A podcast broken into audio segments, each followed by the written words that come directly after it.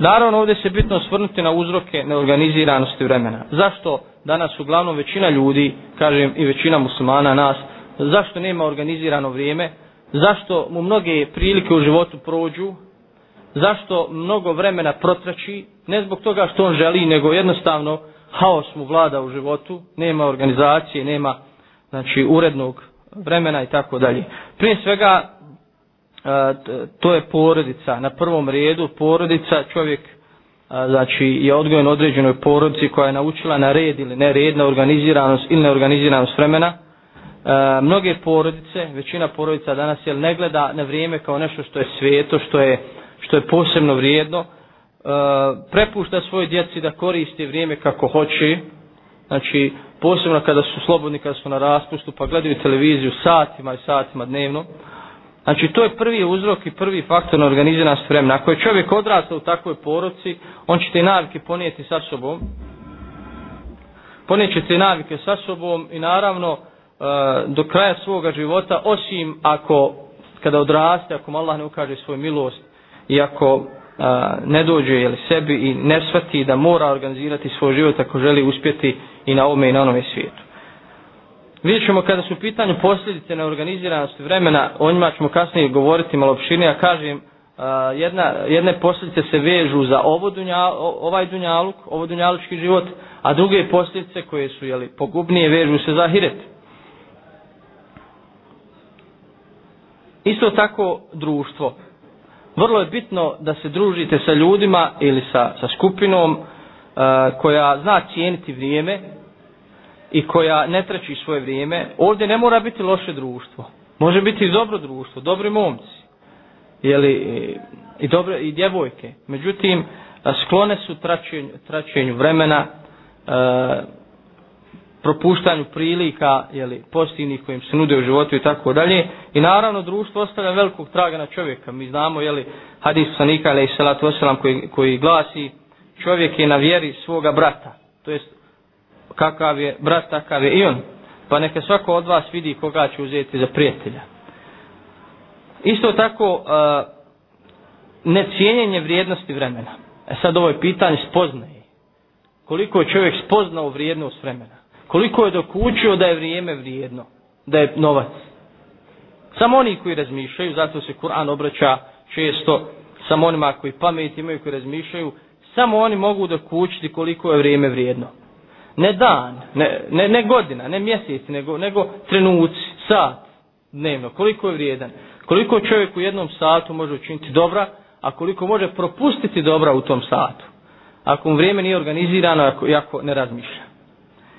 Znači onaj ko, ko nije svjestan da vrijeme ima posebnu vrijednost, da je to poseban čovjekov kapital, kojeg ne smije prodavati, samo mora koristiti, ne može se prodati vrijeme, da upropaštavanjem vremena upropaštava i sebe, takav neće voditi brigu o svome vremenu.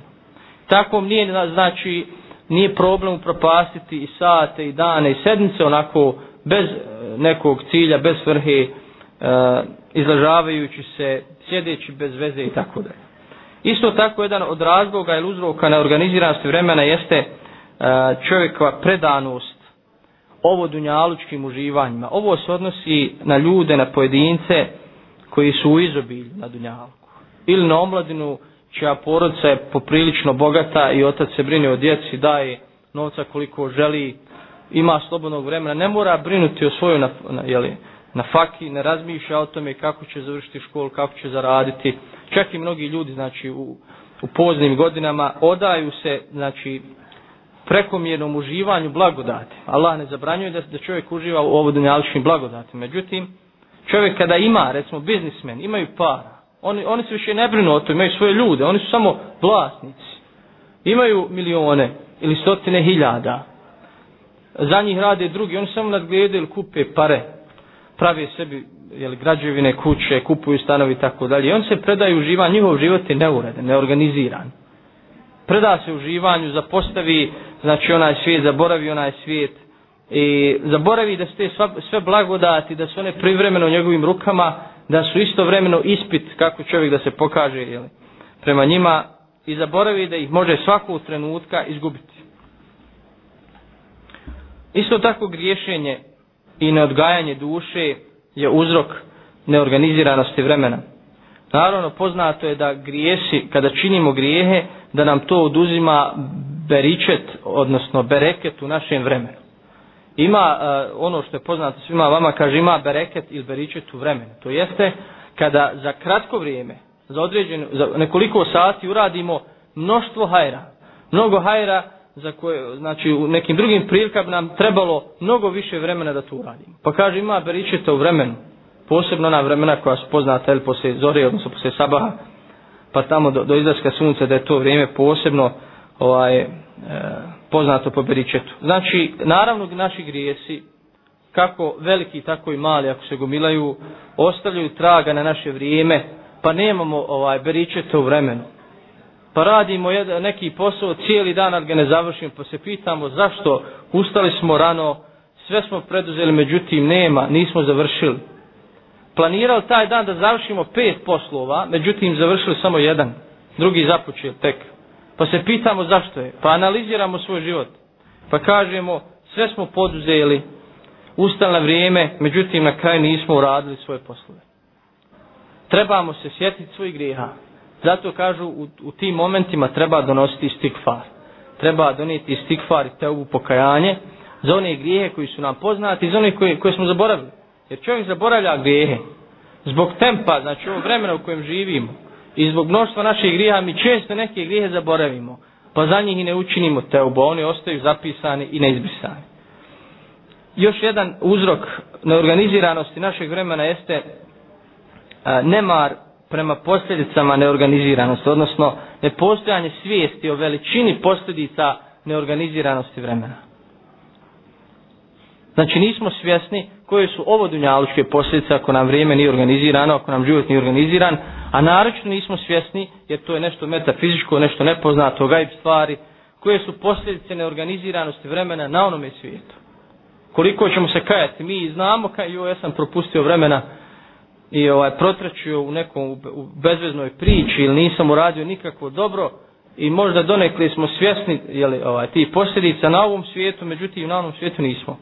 Tek ćemo biti svjesni kada dođemo, kada budemo proživljeni, na onome svijetu pred uzvišenom Allahom subhanahu wa ta'ala, kada nam se pokažu naša, djela, pa kada vidimo šta toga nismo učinila, mogli smo, pa kada vidimo koliko nam je svako djelo bitno i koliko će nam biti bitno na onome svijetu, pa makar bilo kao zrno gorušce, onda ćemo biti svjesni posljedica neorganiziranosti i neiskorištenosti ovog života, odnosno vremena.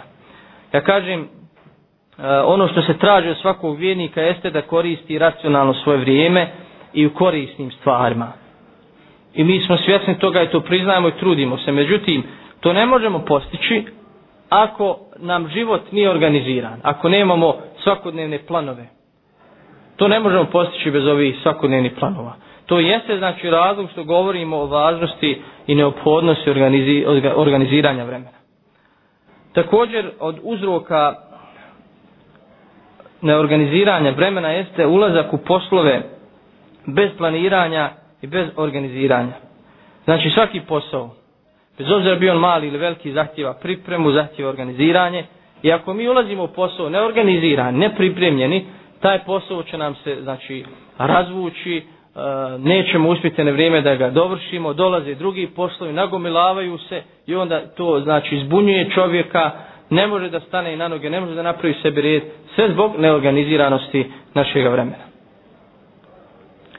E, kada je u pitanju e, ovo dunjalički uspjeh, ovdje je posebno bitno istaknuti, pošto se uglavnom radi o studentima, vama kao studentima, da je posebno ovaj, bitno i značajno organizirati vrijeme e, kada je u pitanju učenje, kada, je u pitanju polaganje ispita, kako pismeni, tako i usmeni, jer čovjek propušta te prilike, propušta rokove, kažem, gomilaju mu se ispiti kao i u ovom primjeru poslova, E, postaje nervozan, ne može da stigne više ni psihički ni fizički.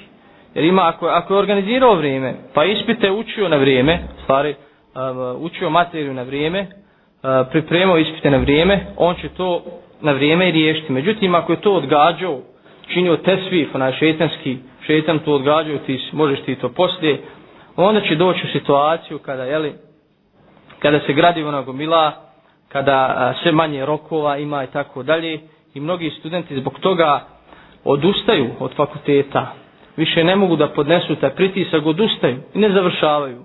Završi godinu dvije ne može više, jeli, a, i odustaje. Znači, na Dunjalku vidimo posljedice neorganiziranosti vremena kada je u pitanju, jeli, škola i studiranje.